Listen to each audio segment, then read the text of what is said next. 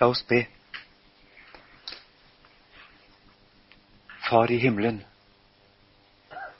vi takker deg fordi du ga oss din sønn på alteret som et evig offer for våre synder. Vi takker deg, far, fordi du førte ham inn og ned i det store dyp i dødens dåp. For å begynne en helt ny skapelse med oss. Gjør oss til nye mennesker, nye skapninger i Ham.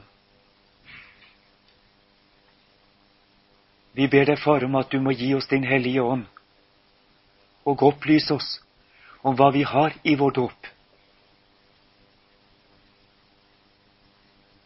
Amen i Jesu navn.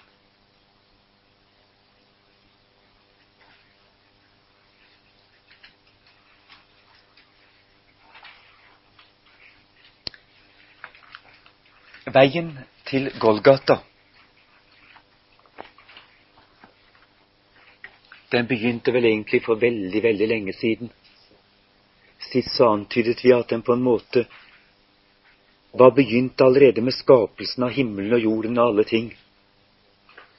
For Jesus er lammet som er slaktet fra verdens grunnvoll ble lagt. Dypest sett, om vi forstår det rett, så er han prisen ikke bare for syndenes forlatelse, men for hele vår eksistens. Vi lever vi er til fordi Han bærer vår eksistens med sitt offer, med sin død. Og vi hørte om Faderens vei til Moria, den som Abraham gikk som en levende profeti med sin sønn Isak. Han Guds venn, som gikk Guds vei, ikke bare fysisk frem mot offerstedet, Moria berg, der hvor tempelet siden skulle ligge, og der hvor Jesus ble korsfestet. Men han gikk det også i psykologisk, i åndelig forstand. Han gikk inn i dette dype mørket som heter å skulle ofre min sønn. Han gikk Guds vei inn i Guds mørke inn i det mørke hvor Gud bor, i tempelet. Med forferdelse, i en fryktelig sjelenød som vi ikke vet maken til, bortsett fra Jesu sjelekamp i Getsemane, kan jeg tenke. Og der lærte Abraham Guds sinn å kjenne. Det sinn som var villig til å ofre sin sønn, og den smerte Gud må ha følt den dype brann som bor i Guds hjerte. Offerilden.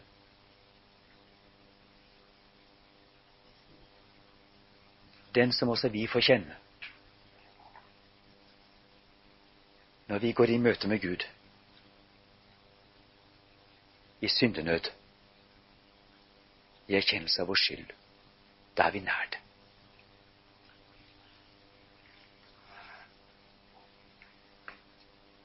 Da vi må oppgi oss selv og alt vårt eget.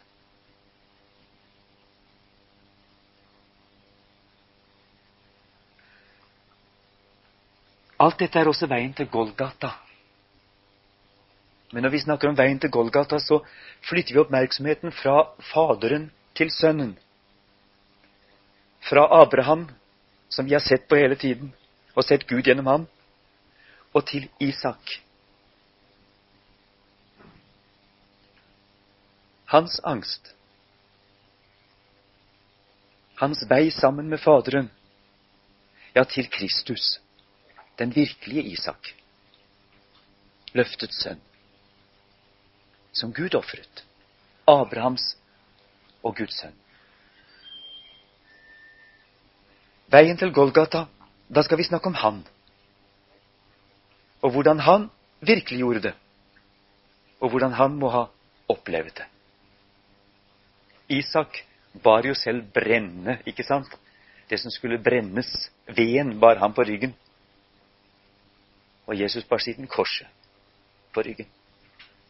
Det er så nært i typen som det bare kan bli. Isak hadde sitt å bære, og han ante det nok fra første stund. Da han spurte Faderen, syk i sinnet, som Grundtvig sier i en salme. Far, her er her er ilden, og her er veden til brennofferet. Men hvor er offerlammet? Og Abraham svarer, Gud skal selv utse seg lammet til offer, min sønn.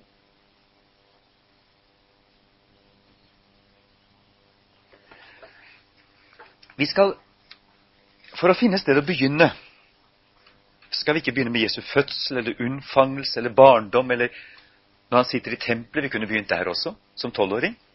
Men vi begynner med et veldig, veldig viktig punkt i hans liv.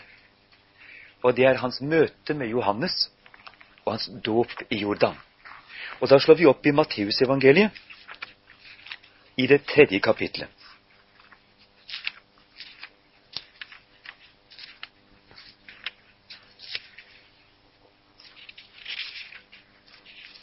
Stort sett kommer vi til å følge Matteus. Det kommer kanskje at han er på mange måter den evangelisten som er mest gammeltestamentlig teolog. Vi er nesten nødt til å ta hele dette kapittelet i sammenheng. Fordi at kapittelet i seg selv og det som skjer, skaper en anelse av hva det er Jesus er kommet for å gjøre. I de dager sto døperen Johannes frem og forkynte i Judeas ørken og sa, Omvend eder, for himlenes rike er kommet nær. For det er ham profeten Esaias taler om når han sier, Det er en røst av en som roper i ørkenen, Rydd Herrens vei, gjør hans stier jevne. Men Johannes hadde kledebon av kamelhår og lærbelte om sin lend, og hans mat var gresshopper og vill honning. Da dro Jerusalem og hele Judea og hele landet om Jordan ut til ham, og de ble døpt av ham i elven Jordan idet de bekjente sine synder. Men da han så mange av fariseerne og saduseerne komme til ham, og til hans dåp, sa han til dem, Ormeyngel, hvem lærte eder å fly for den kommende vrede? Bær derfor frukt som er omvendelsen verdig og tro ikke at de kan si ved eder selv, vi har Abraham til far. For jeg sier eder at Gud kan oppvekke Abraham barn av disse stener. Øksen ligger allerede ved roten av trærne. Derfor blir hvert tre som ikke bærer god frukt, hugget ned og kastet på ilden. Jeg døper eder med vann, til omvendelse. Men han som kommer efter meg, er sterkere enn jeg. Han hvis sko jeg ikke er verdig til å bære. Han skal døpe eder med Den hellige ånd og ild. Han har sin kasteskovle i sin hånd, og han skal rense sin låve og samle sin hvete i laden. Men agnene skal han brenne opp med uslukkelig ild. Da kom Jesus fra Galilea til Jordan til Johannes for å bli døpt av ham. Men han nektet ham det og sa, Jeg trenger til å bli døpt av deg, og du kommer til meg. Men Jesus svarte og sa til ham, La det nu skje, for således sømmer det seg for oss å fullbyrde all rettferdighet. Da lot han det skje. Men da Jesus var døpt, steg han straks opp av vannet. Og se, himmelen åpnet seg for ham, og han så Guds ånd fare ned som en due og komme over ham. Og se, det kom en røst fra himmelen som sa, Dette er min sønn, den elskede, i hvem jeg har velbehag. Først den ytre historien. Johannes står frem og forkynner at det snart er dommedag. Og Guds rike kommer nær, kommer nær. Guds rike skal bryte inn. Så må det skje en dom, et oppgjør med alt det gamle.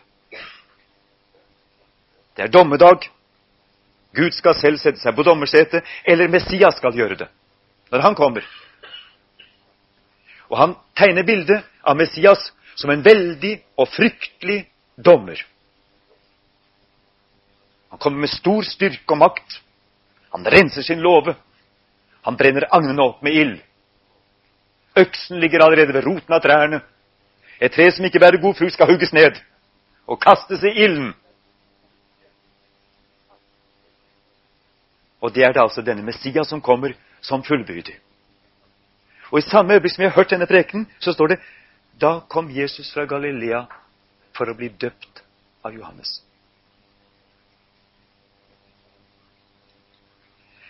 Johannes' preken den førte til at folk kom i angst, de kom i sjelenød, og de kom til hans dåp. De bekjente sine synder og gikk ned i dåpen som syndere og tok dommen over sitt liv. Det er det det innebærer å bli døpt i den forstand. Det er et uttrykk for en uforbeholden synsbekjennelse. Og de går inn under dommen over sitt liv, gir Gud fullstendig rett.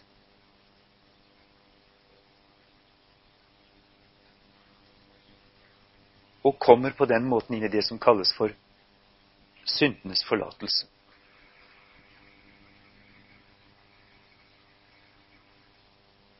Den kan ikke komme til oss på noen annen måte enn at Gud er den som får rett. Og så får Gud finne en vei, om han vil.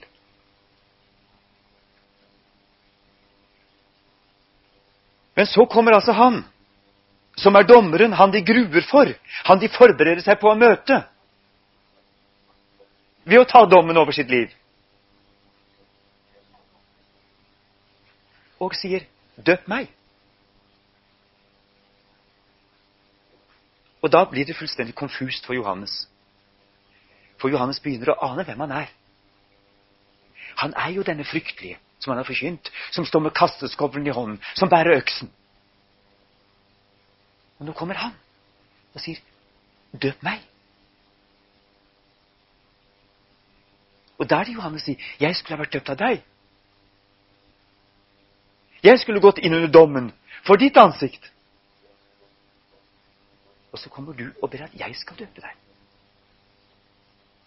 Og han nekter. Kan ikke noe annet enn å nekte. For han kan ikke fatte det. Han kan ikke forstå det. Hele fornuften stritter imot, på samme måten som gjorde oss Peter mye senere da han sa til Jesus det må ingenlunde skje deg, Herre. Den gangen Jesus hadde forkynt at han måtte gå til kors og død.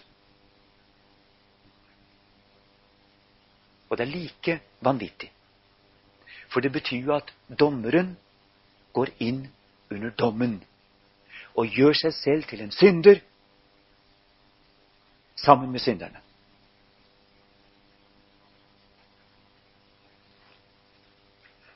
Det er det Jesu dåp innebærer. Og Derfor er det at domspredikanten, botspredikanten, nekter. Men Jesus står på sitt. Han sier La det nu skje. For således sømmer det seg for oss å fullbyrde all rettferdighet.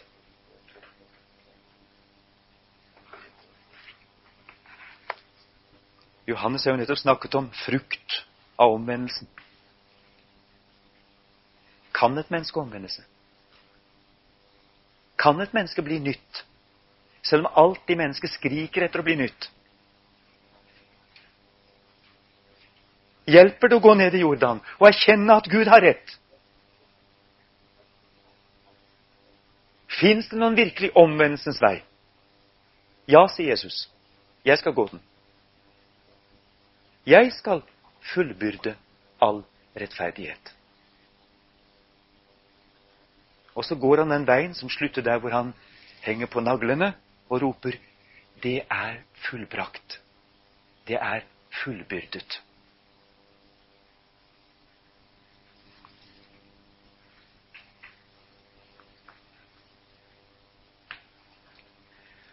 Og så stiger han ned i dåpen. Johannes gir seg. Det må bare skje. Det må være Guds vei, selv om Johannes ikke kan forstå det. Men Johannes må ha hatt en forferdelig følelse av at at Jesus virkelig går inn under dommen og døden. Så stiger Jesus ned i vannet. Og hva han opplever der nede i vannet, det vet jeg ikke, men det må være en forsmak på nedstigningen i dødsriket.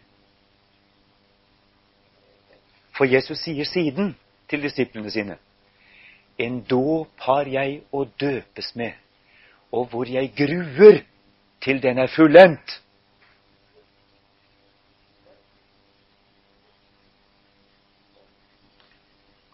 Han visste at dette var tegnet.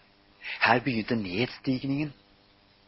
Dette var begynnelsen på dødens dåp. Og hva Jesus har følt der i dypet av dåpen, det vet vi ikke, men vi kan ane det. Vi har grunnlag for å kunne ane det.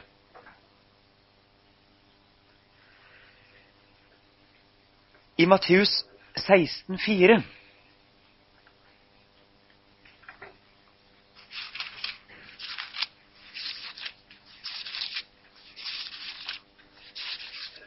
Der sier Jesus noe underlig når disiplene krever tegn av ham. Vi kan begynne fra begynnelsen. Og fariseerne og saduseerne gikk til ham og fristet ham, og ba at han ville la dem få se et tegn fra himmelen. Men han svarte og sa til dem, Når det er blitt aften, sier de, det blir godt vær, for himmelen er rød. Og om morgenen, i dag blir det uvær, for himmelen er rød og mørk.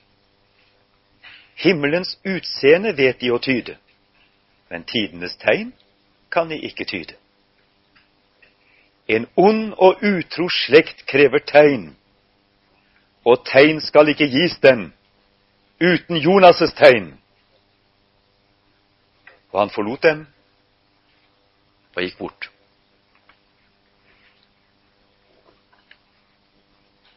Jonas' tegn. Vi slår opp i profeten Jonas. Han står like foran profeten Mika.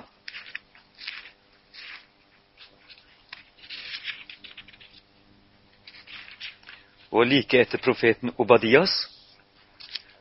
Han er bitte liten, så han er vanskelig å, å finne.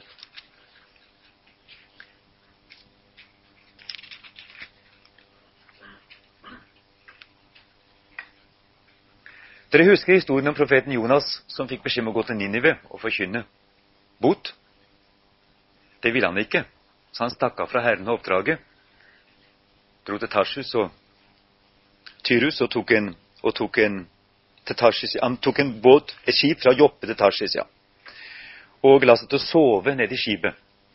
Og så ryker det opp en forferdelig storm. Og mannskapet lurer på hvem som er skyld i at denne stormen er kommet, for de regner med at det må være en forbannelse over skipet. Og så til slutt så finner de da ut at det må være Jonas.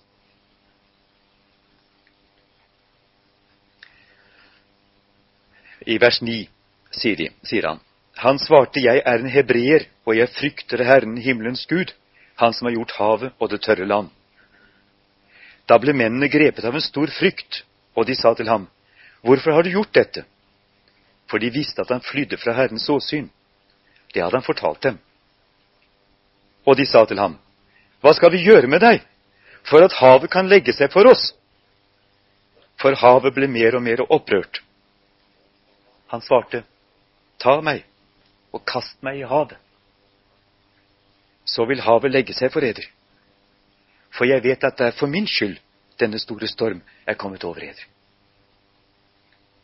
Mennene prøvde nå å ro tilbake til land, men de maktet det ikke, for sjøen slo sterkere og sterkere mot dem. Da ropte de til Herren og sa, Å Herre, la oss ikke gå under fordi denne mann skal dø, og la ikke uskyldig blod komme over oss, for du, Herre, har gjort som du ville. Så tok de Jonas og kastet ham i havet. Da holdt havet opp å rase. Og mennene ble grepet av stor frykt for Herren, og de ofret takkoffer til Herren og gjorde løfter. Men Herren lot en stor fisk komme og sluke Jonas. Og Jonas var i fiskens buk tre dager og tre netter. Og Jonas ba til Herren sin Gud fra fiskens buk og sa Og nå kommer Jonas' lovsang. Og der må du tenke deg at Jesus på en måte kan synge mens han synker i vannet. Den synger gjennom Jesus. Fordi at nå begynner han på Jonas-tegnet. Nedstigningen i dypet. Han er kastet i dypet for å frelse, for å berge. Han er forkastet for at vi andre skal bli frelst. Og så synger han inni seg Jonas hymnen. Jeg kalte på Herren i min nød, og han svarte meg. Fra dødsrikes skjød ropte jeg. Du hørte min røst. Du kastet meg i dypet, midt i havet, og vannstrømmer omga meg. Alle dine brenninger og dine bølger gikk over meg. Jeg tenkte, jeg er støtt bort fra dine øyne, men jeg skal atter skue opp til ditt hellige tempel. Vannene omringet meg like til sjelen. Dypet omga meg. Tang innhyllet mitt hode.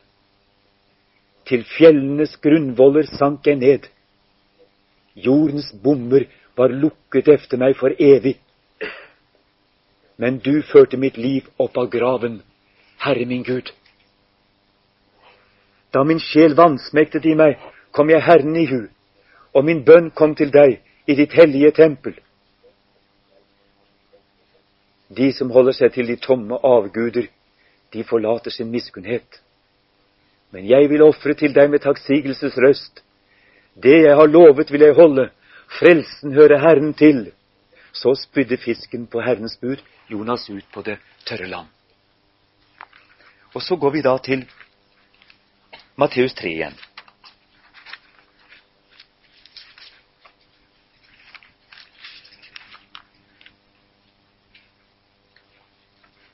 Men da Jesus var døpt, steg han straks opp av vannet og se, himmelen åpnet seg for ham, og han så Guds ånd fare ned som en due og komme over ham. Og se, det kom en røst fra himmelen som sa, Dette er min sønn den elskede, i hvem jeg har velbehag. Dette er som en oppstandelse. Nå stiger Kristus opp av avgrunnen, og i et øyeblikk så er han der på en måte i en oppstandende skikkelse. Himmelen åpner seg over ham. Faderen bekjenner seg til ham. Det som Paulus sier i begynnelsen av romerbrevet, at det var gjennom sin oppstandelse at Jesus ble kjent så virkelig som Guds sønn. Og Ånden kommer over ham. Slik Ånden også kom ned over Kristus i oppstandelsen. Han ga den videre til sine disipler og utgjød den over hele menigheten. Alt er fortettet til stede i denne handlingen. Ja, til og med vår dåp er fortettet til stede i denne handlingen. Det kan vi kanskje ta med som en liten parentes. Det å gå inn i dåpen, det er å gå inn i dette mysterium som er Jesu død og oppstandelse. Og egentlig så skulle vi vært dukket ned i vannet. For vi skulle gått ned der i avgrunnen med ham for å stå opp med ham. Og når vi står opp med ham, så åpner himmelen seg over oss. Og så roper Gud fra himmelen, 'Dette er mitt barn, det elskede, i hvem jeg har velbehag.' Og så synker ånden over oss, svever over oss som en dub.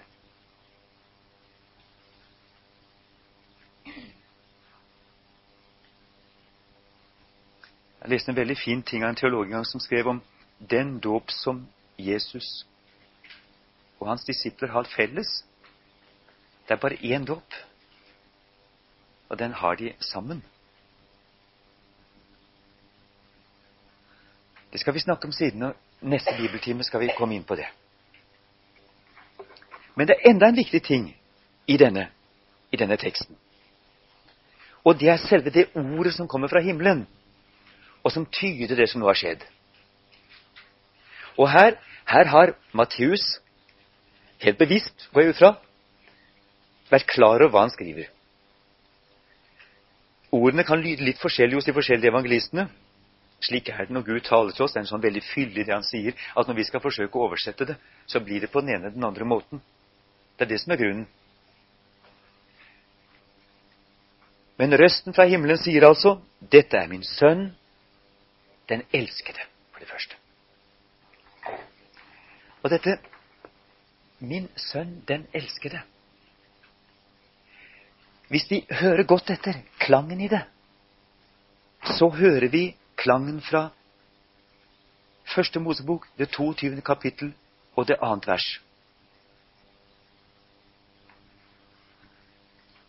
Der hvor Gud sier til Abraham og bruker nøyaktig de samme ordene på grunnspråket Ta din sønn, den elskede, og gå til det stedet jeg vil vise deg.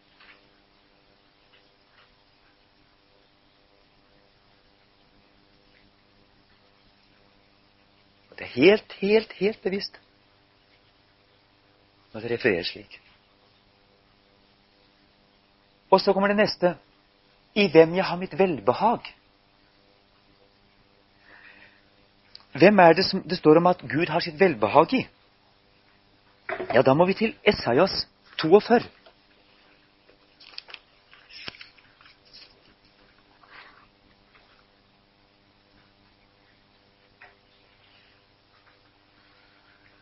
Herrens tjener. Han som vi møter flere steder hos Esaias. Herrens tjener Egentlig er det det nå Gud sier over ham. Hør hva han sier over Jesus som stiger opp av dåpen. Se min tjener som jeg støtter, min utvalgte, som min sjel har velbehag i. Jeg legger min ånd på ham. Da har du duen. Han skal føre rett ut til hedningefolkene.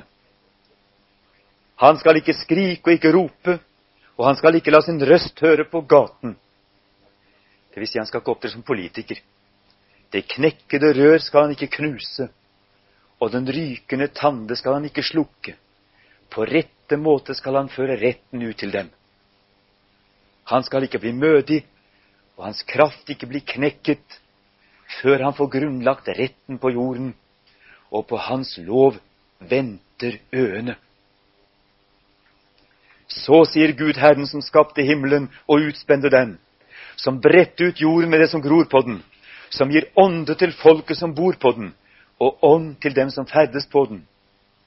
Jeg, Herren, har kalt deg i rettferd og tatt deg ved hånden, og jeg vil verne deg og gjøre deg til en pakt for folket, til et lys for hedningene, for at du skal åpne blinde øyne, føre de bundne ut av fengselet, og føre dem som sitter i mørket, ut av fangehuset. Alt det sies komprimert over Jesus. Og hvorfor, hvordan skal du gjøre det? Jo, fordi du er min sønn, den elskede. Som jeg gjør det samme med som Abraham gjorde med Isak. Det ligger også i kortene. Denne overføringen fra Abraham til Gud den finner vi også i Romerbrevet i det åttende kapittel, og jeg kan jo se i full fart hvilket vers det er, jeg har ikke noe notat på det.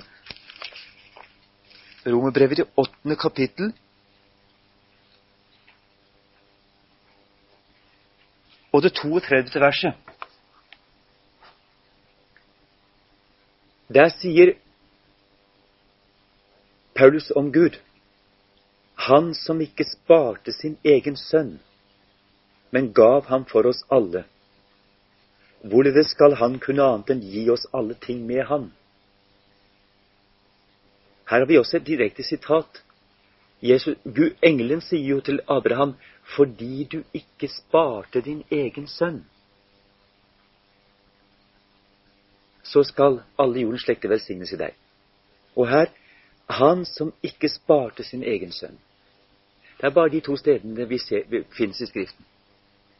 Og her altså går igjen Paulus tilbake til Abrahams offer og ser Gud i Abrahams bilde.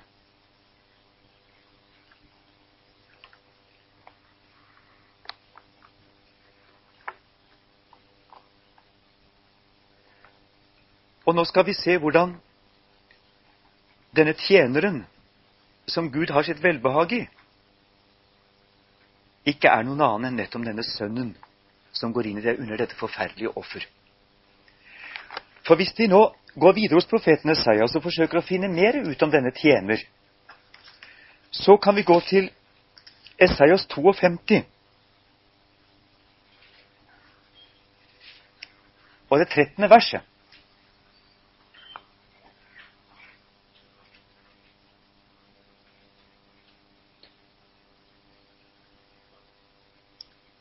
Se, min tjener skal gå frem med visdom.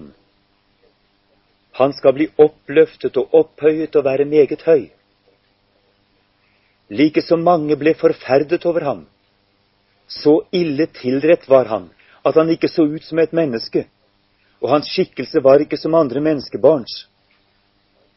Således skal han få mange folkeferd til å fare opp. For ham skal konger lukke sin munn. For det som ikke var fortalt dem, har de sett, og det de ikke hadde hørt, har de erfart. Og så må vi lese videre, for kapittelinndeling var det ikke opprinnelig i Bibelen. Hvem trodde det budskap vi hørte? Og for hvem ble Herrens arm åpenbaret? Han skjøt opp som en kvist for hans åsyn, og som et rotskudd av tørr jord. Han hadde ingen skikkelse og ingen herlighet, og vi så ham, men han hadde ikke et utseende så vi kunne ha vår lyst i ham. Foraktet var han og forlatt av mennesker, en mann full av piner og vel kjent med sykdom. Han var som en som folk skjuler sitt åsyn for, foraktet, og vi aktet ham for intet. Sannelig, våre sykdommer har han tatt på seg, og våre piner har han båret. Men vi aktet ham for plaget, slått av Gud og gjort elendig. Men han er såret for våre overtredelser, knust for våre misgjerninger. Straffen lå på ham for at vi skulle ha fred, og ved hans sår har vi fått legedom. Vi får alle vill som får. Vi vendte oss hver til sin vei. Men Herren lot våres alles misgjerninger ramme ham. Han ble mishandlet enda han var elendig, og han opplot ikke sin munn, lik et lam som føres bort for å slaktes, og lik et får som tier når de klipper det. Han opplot ikke sin munn. Ved trengsel og ved dom ble han rykket bort. Men hvem tenkte i hans tid at når han ble utryddet av de levendes land, så var det for mitt folks misgjernings skyld plagen traff ham?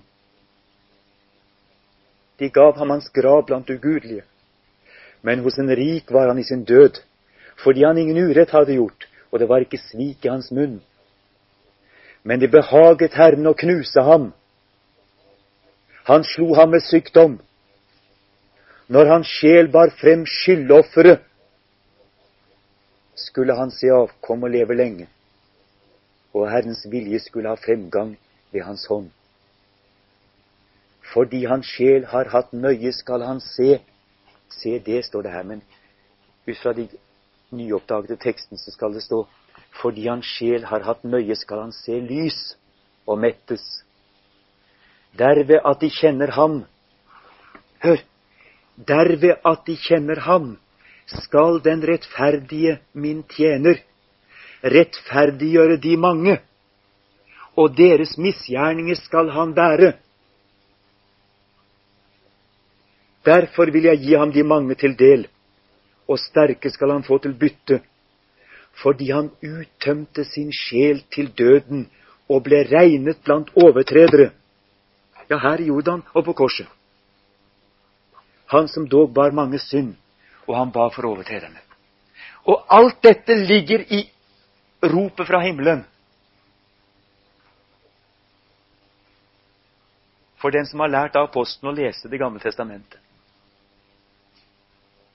Det er som en liten, liten fortettet sak som inneholder alt sammen.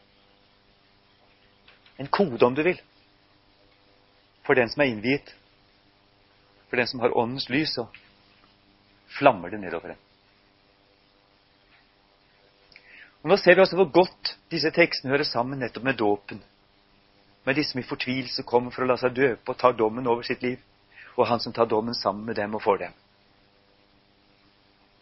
Og det er rettferdiggjørelse. Her har vi faktisk talt. Det er her Paulus har hentet begrepet sitt. Han har ikke laga det sjøl. Derved at det kjenner ham, skal han den rettferdige gjøre de mange rettferdige. Skal han den rettferdige gjøre de mange rettferdige. Rettferdiggjøre de mange. Fordi han har båret deres misgjerninger. Ble regnet blant syndere.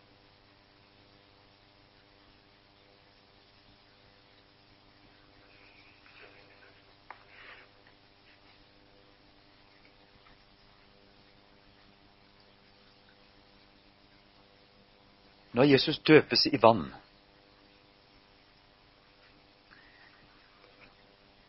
så kan vi ikke forstå det uten at vi går tilbake til det vi har snakket om før, når vi snakket om urhistorien. Vannet er det som er før Gud griper skapende inn. De mørke, dype vann, det er symbolet på dødsriket. Dødsriket skygger, skjelver, vannene og de som bor i dem, står det i stedet i Jobbs bok. Det å stige ned slik under dommen over sin synd og ned i vannet, det er å stige ned i dødens dyp. Det er å stige ned der hvor du er ved skapningens begynnelse, på en måte. Vi kan si at Jesus på en måte går tilbake til begynnelsen da han stiger ned i dåpen og døden. Og blir en ny skapelse, blir begynnelsen til en ny skapelse. Vi kan si at han er det Guds ordet som, som Gud roper ut i mørket, som han roper utover vannene, som han roper ned i vannene. Og som da begynner en ny skapelse. Og som Paulus sier, den som er i Kristus Jesus, er en ny skapning. Det er helt sikkert tenkt så dypt. Det er en nedstigning som innebærer en oppløsning, eller en undergang, en tilintetgjørelse. Vi dør med Kristus i dåpen, sier Paulus i Rombrevet 6. Dåpen er både for oss og ham en vei ned i, i kaos, i, der hvor Gud begynner å skape alt på nytt. Men så gjør Gud det. Og så er oppstandelsen da den nye skapelse som bryter igjennom. Og Derfor så oppstår også Jesus på den første dag på søndagen. Fordi det er skapelsesdagen da Gud roper 'bli lys' inn i mørket, og, og den nye verden blir til i sin begynnelse.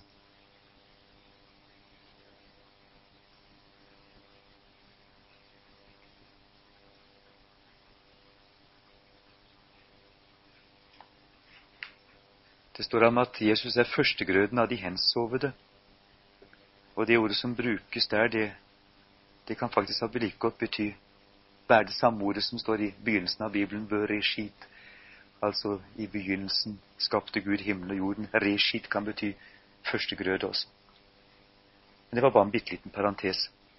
Vi må i hvert fall ha for oss vannene både da verden ble skapt, og ikke minst syndflodens vann. Kanskje enda mer.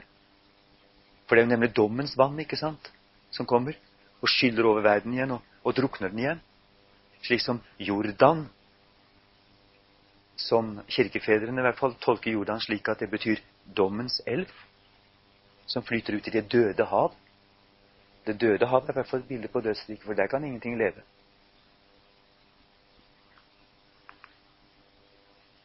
Og vi har også Rødehavet som et tegn på det umulige, som åpner seg for Israels folk og slipper dem gjennom. Det er som en død og en oppstandelse, det også eller var altså vår egen dåp, som henger sammen med alt dette. Det går en vei inn til Guds rike, men den går igjennom døden. Gjennom Jesu død.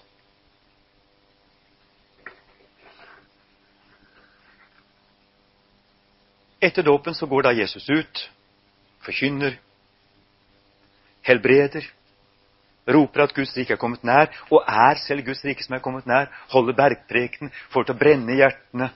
Folk begynner å lengte etter en virkelig rettferdighet. De begynner å lengte etter et nytt hjerte. Overalt hvor han kommer, så er det akkurat som det er vår, på en måte. De aner at nå er det Guds rike som holder på å bryte inn. De kjenner de hans godhet, hans renhet, hans sannhet. Den måten han tar imot barna på. Det er som en slags hvetebrødsdager, det der i Galilea. Det er akkurat som på en måte så er Guds rike kommet. Og det, det behøvde ikke være mer, men så plutselig så er det ikke fullbrakt allikevel. Det er bare akkurat som sola kommer gjennom skyene et lite øyeblikk, og så forsvinner den igjen. For nå må han gå opp til Jerusalem. Nå skal det begynne å skje. Og så har vi da uroen mens de stiger opp. Vi har inntoget, Hosianna og alt det der. Vi har det som skjer i Jerusalem i denne uken før vielsen. Det er trinn for trinn så nærmer han seg det avgjørende. Hans fiender forsøker å gripe ham, men de kan ikke gripe ham. Flere ganger skjer det. De forsøker å ta ham, men de kan ikke ta ham, for hans time er ennå ikke kommet. Han er usårlig. Han er herren i Jerusalem også. Hans fiender er som lammet. Han driver kjøpmenn ut av tempelet. Han, han, hersker på en måte. Det ser ut som Messias har tiltrådt sin kongegjerning. Etter at han har vært i Galilea, ikke sant, så har han dratt inn og har erobret Jerusalem. Og han har faktisk hatt Jerusalem i sin makt en to-tre dager. Det er helt tydelig. Og igjen så tror man Hosianna, du Davids sønn, Messias rike er kommet. Og så plutselig er det ikke sånn allikevel. For i den natta han ble forrådt, så gjør Jesus en underlig handling som utleverer ham til hans fiender. Ja, til syndens og dødens makt. Som utleverer ham til selve dødsriket. Og plutselig har menneskene makt over ham. Og plutselig så slipper han hele initiativet. Han har ikke før brutt brød og skjenket kalken før hans initiativ er ute. Han bare lar tingene skje. Overgir seg til dette forferdelige som han har kalt en dåp som han gruer til.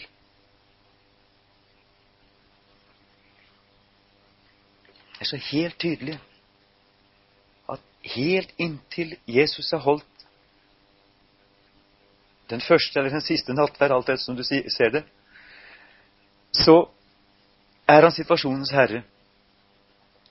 Men i det øyeblikk han har overgitt seg selv i denne offerhandling, overgitt sitt legeme som et offer, utdødd sitt blod som et offer, fra da av er han egentlig bare en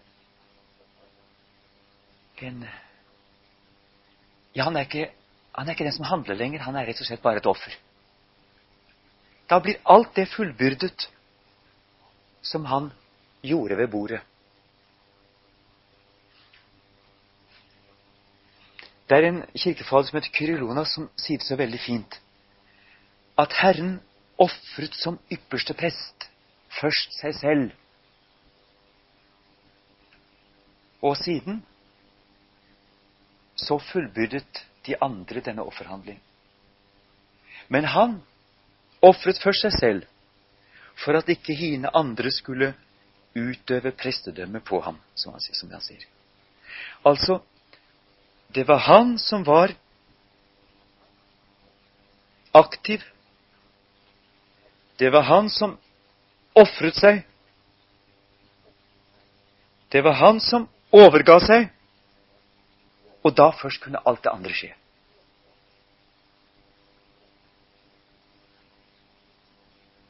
Da gikk forræderen ut i mørket og kunne forråde ham. Kunne utlevere ham. Før hadde det ikke hatt mening. Og det hadde ikke virket.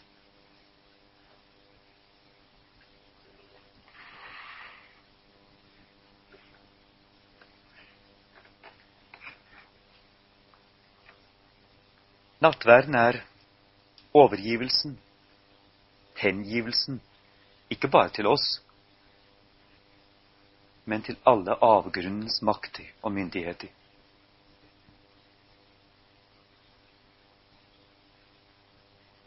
Det er noe aldeles fryktelig som skjer når den beskyttende ring som er omkring Jesus, symbolisert i apostlene, de tolv apostlene. De er som et lite kosmos på en måte. De er tolv fordi de, det er fullkommenhetens tall. Når den beskyttende ring som er omkring Kristus, brytes i stykker, også rent fysisk ved at en av dem går ut i mørket for å forråde ham, da velter hele dette forferdelige innover ham. Denne syndfloden av vår synd. Vi kan si alt det som bor i vårt eget hjerte og hersker i vårt eget liv, det kaster seg over Kristus. i skikkelse av yppersteprestens tjenere, som finner ham i Getseman. Dette er eders time og mørkets makt, sier Jesus. Dette er ederstime og mørkets makt.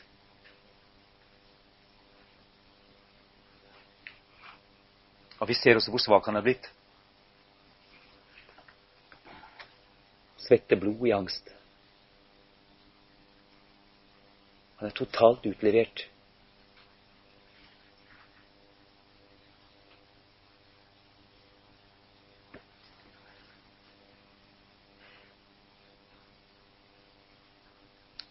Da fullbyrdes det som han begynte i dåpen.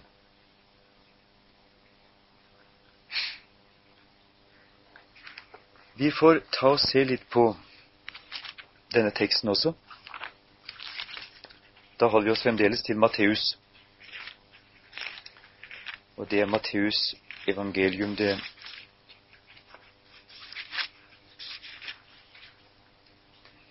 Det 26. kapittel.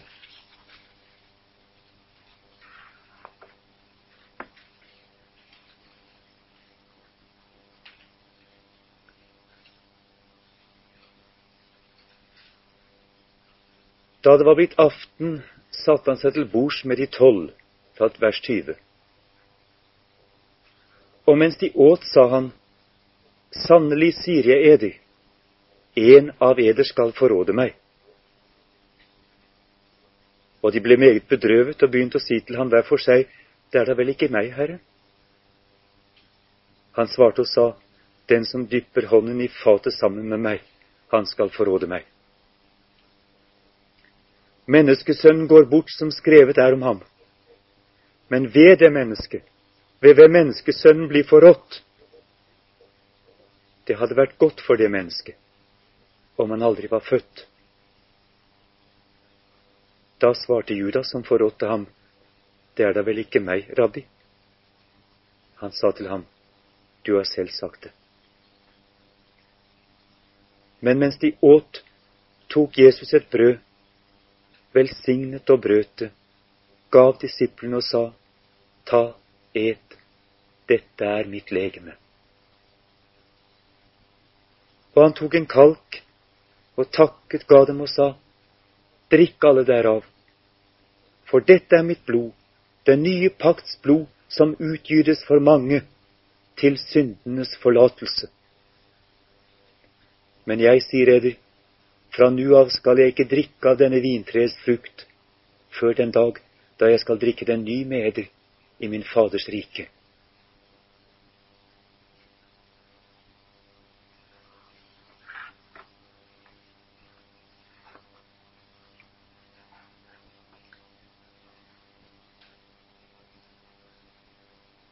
Jesus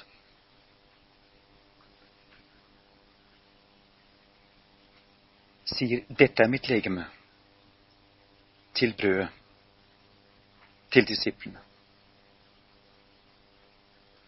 Og dermed er det hans legeme. Han overfører hele betydningen av sitt legeme, alt det han er som menneske. Overfører han til dette brødet. Fyller brødet med det innhold, den mening. Det er ikke tomt symbol. Det er en fryktelig virkelighet de ser når han bryter det og gir det til dem. De tolv.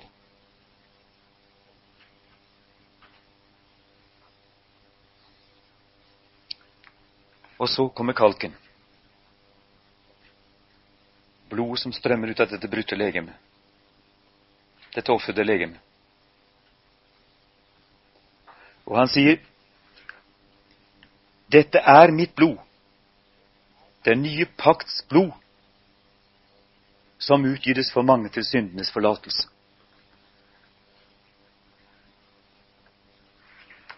For å forstå hva Jesus her mener, så må vi tilbake til annen Mosebok i det 24. kapittel.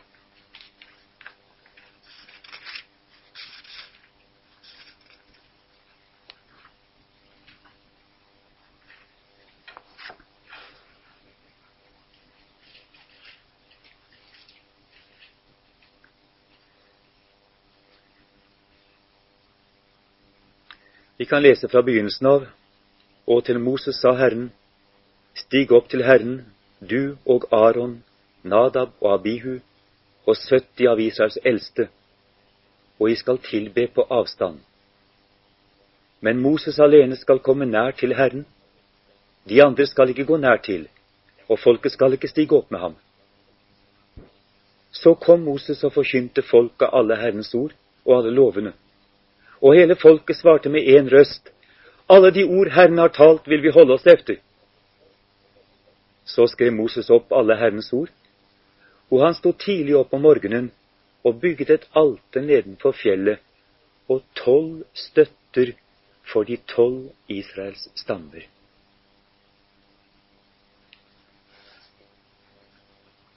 Siden sendte han noen unge menn av Israels barn dit, og de bar frem brennoffer og ofret slakteoffer av okser til takkoffer for Herren.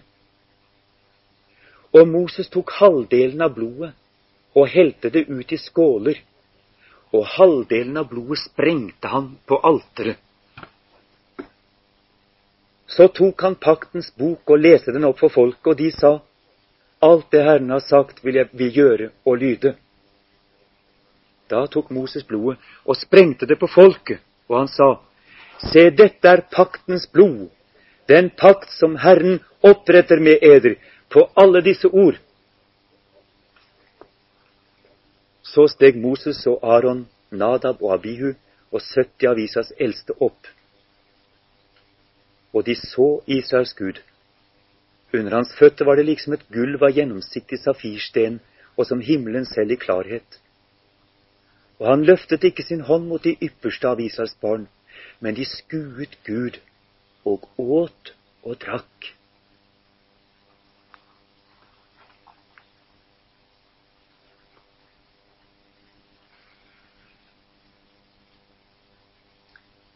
Jeg har alltid tenkt meg at de tolv disiplene de står der som disse tolv søyler. Og faktisk talt er det jo det Paulus også kaller dem støttene som de kalles, sier han om disiplene, om apostelen i Jerusalem. De er, de er tempelet av levende stener i sitt utgangspunkt. De første som er med på denne, dette offermåltid. Og de står der på samme måten som de tolv søylene sto omkring offeralteret. Som representanter for det nye gudsfolket. Og Jesus kan du si spruter blodet på dem på samme måten som han sprengte det på søylene og på folket. Det er en handling som ligger nært, nært opp til det første paktsoffer mellom Moses og folket. Dette er Jesu paktsoffer mellom seg og sitt nye folk.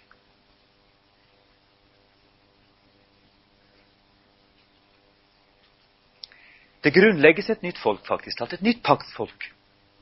Det er en ny pakt.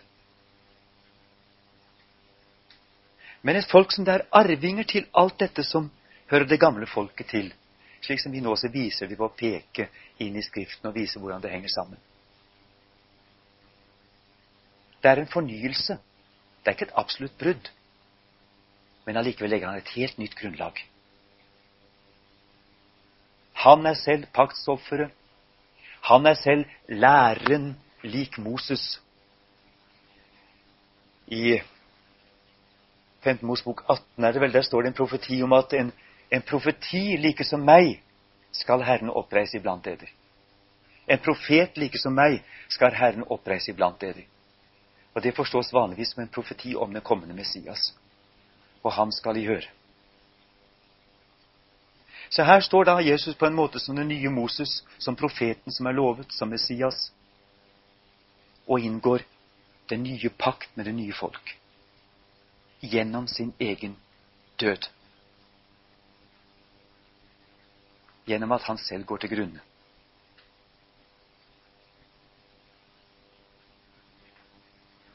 Og det har vært helt bevisst i tankene på Jesus da han gjorde det. Den teksten vi nå nettopp har lest, den var inni Jesus da han gjorde denne handling. Og det står om, til sist om de eldste i Israel at de skuet Gud og åt og drakk. Og han løftet ikke sin hånd mot de ypperste av Israels barn. De var nær det aller helligste, og der åt de, og der drakk de, og de hører også med. De opplevde den nærheten til den hellige. Umiddelbare nærhet til Gud. De skuet Gud og åt og drakk. Som Jesus like før hadde sagt til disiplene sine. Nei, han sier det etter at han er oppstanden. Det stemmer det. Han sier til Philip Den som har sett meg, har sett Faderen. Den som har sett meg, har sett Faderen. Det er ikke bare en ny Moses de ser. De skuer Gud og eter og drikker.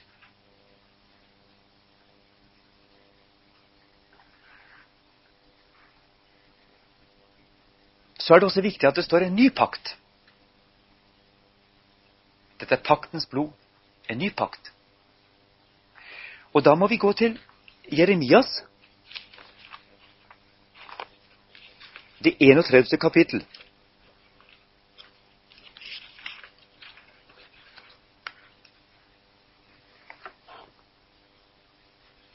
I 2. Mosebok 24 der så vi at, hørte vi at Moses skrev opp Guds lov. Han skrev opp alle Herrens ord. Og folket sa at de ville holde alle disse ordene. Det var en del av paktslutningen. Jeremias kommer tilbake til dette i kapittel 31 og fra det 31. verset. Se, dager kommer, sier Herren, da jeg vil opprette en ny pakt med Israels hus og med Judas hus.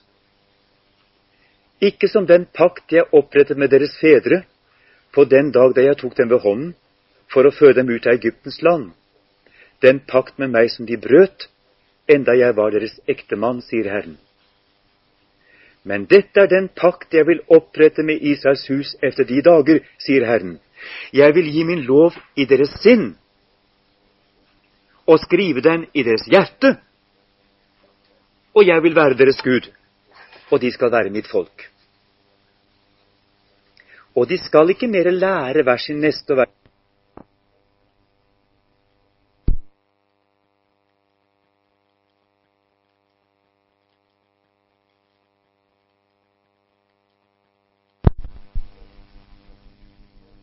Og ikke mere komme deres synd i hu.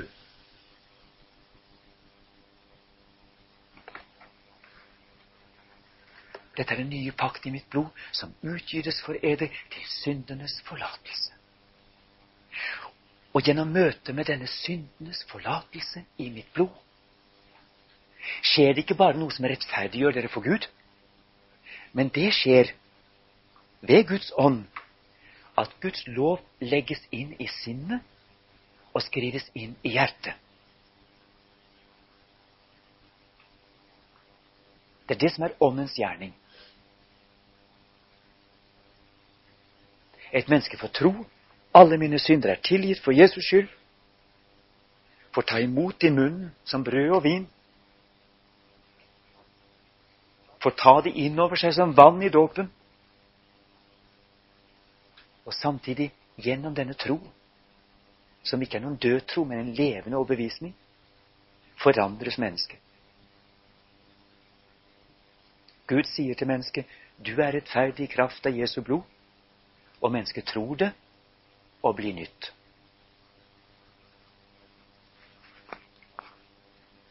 kan ikke lese dette om nye pakt i mitt blod uten å ha klart for, oss, for seg det som Jesus vet i det øyeblikket han sier det. Kraften i dette legger min lov inn i menneskenes sinn og skriver Guds bud i menneskenes hjerter. Hvis det går rett for seg. Hvis ikke, så er det bare vann på gåsa.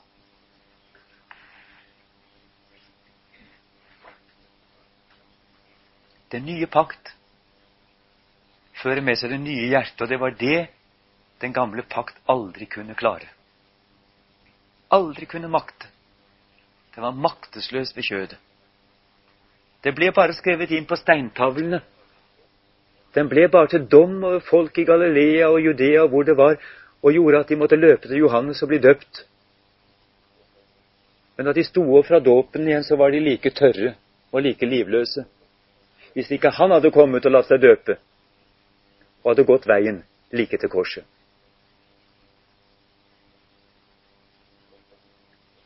For denne kjærlighet som er åpenbart gjennom Jesus Kristus, den eier evnen til å gjøre våre steinhjerter til kjøtthjerter. Og det er det som blir sagt her i innstiftelsesordet til nattverden. De sier ikke noe annet enn det.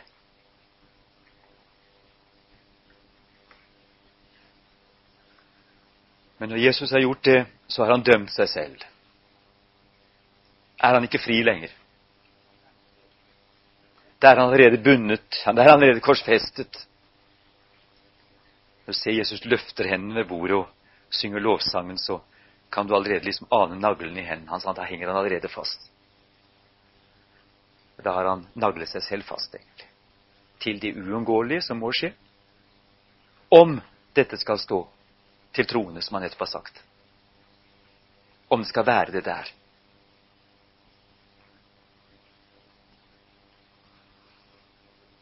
Så går han i den dåp som han hadde gruet for. Så går han i den himmelske helligdom. Så revner forhenget i tempelet. Som et synlig uttrykk for at alt er blitt annerledes. At det er vei igjennom forhenget inn til Gud. Som det står så underlig i hebreerbrevet. Håper jeg kan finne det i en fart.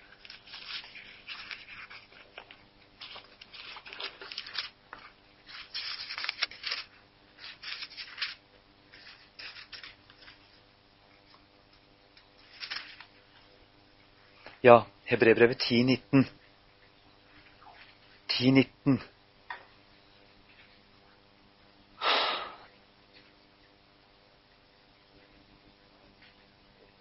Da vi altså, brødre,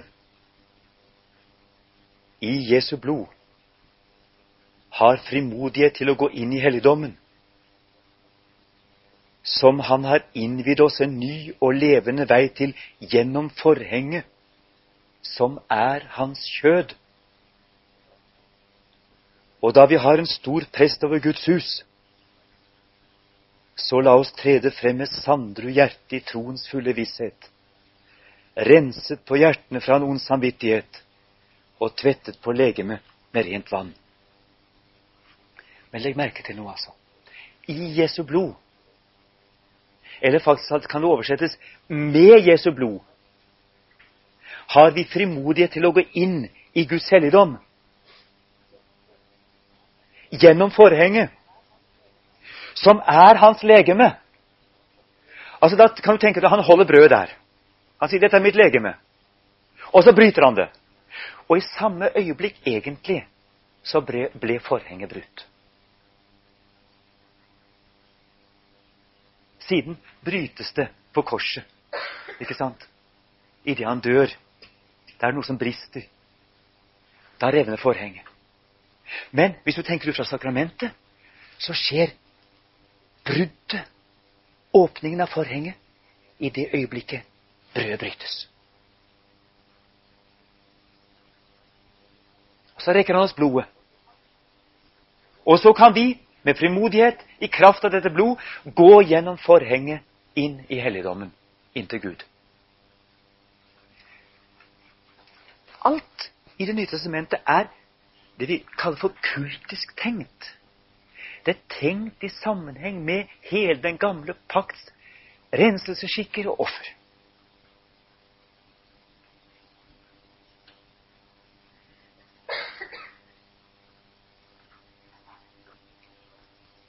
Og så kommer da fullbyrdelsen.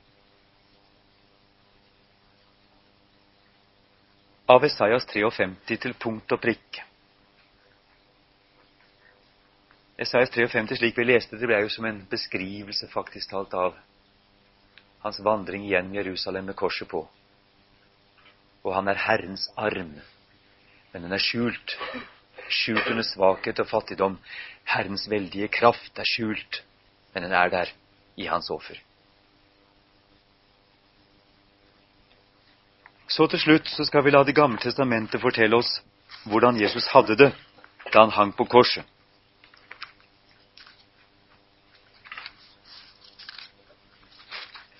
Og da slår vi opp på Salme 22,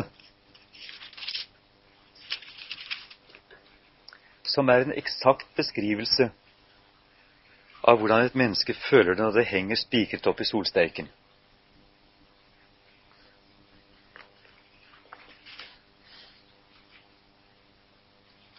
Samtidig så har han en fylde inni seg. Han er i stand til å be, for han kjenner Gud. Han er i stand til å sette ord på det. Og denne salmen var det Gud, Kristus istemte på korset, og jeg tror han ba den i sitt hjerte helt ut. Min Gud, min Gud, hvorfor har du forlatt meg? Langt borte fra min frelse er min klagesord. Min Gud, jeg roper om dagen, og du svarer ikke. Om natten, og jeg får ikke tie. Og du er dog hellig, du som troner over Israels lovsanger. Til deg satte våre fedre sin lit. De satte sin lit til deg, og du utfridde dem. Til deg ropte de, og de ble reddet. Til deg satte de sin lit, og de ble ikke til skamme. Men jeg er en orm og ikke en mann. Menneskers spott og folks forakt. Alle de som ser meg, spotter meg, vrenger munnen, ryster på hodet og sier, Sett din vei i Herrens hånd. Han skal redde ham, han skal utfri ham, siden han har behag i ham. Ja, du er den som dro meg frem av mors liv, som lot meg hvile trygt ved min mors bryst. På deg er jeg kastet fra mors liv. Fra min mors skjød er du min Gud.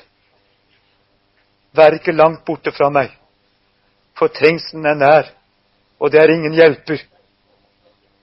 Sterke okser omringer meg. Basans okser kringsetter meg. De spiler opp sin munn imot meg, som en sønderrivende og brølende løve. Jeg er utøst som vann, og alle mine ben skiller seg ad. Mitt hjerte er som voks, smeltet midt i mitt liv.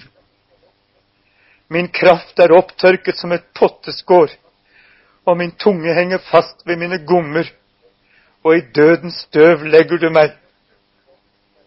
For hunder omringer meg, de ondes hop kringsetter meg. De har gjennomboret mine hender og mine føtter. Jeg kan telle alle mine ben.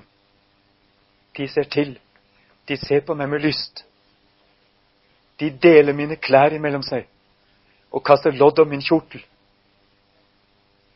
Men du, Herre, vær ikke langt borte. Du, min styrke, skynd deg å hjelpe meg. Redd min sjel fra sverdet, mitt eneste fra hunders vold. Frels meg fra løvens gap og fra villoksenes horn. Du bønnhøre meg. Jeg vil kunngjøre ditt navn for mine brødre. Midt i menigheten vil jeg love deg. I som frykter Herren, lov ham. All Jakobs ett er ham, og frykt for ham, all Israels ett. For han har ikke foraktet og ikke avskydd den elendiges elendighet, og ikke skjult sitt åsyn for ham. Men da han ropte til ham, hørte han.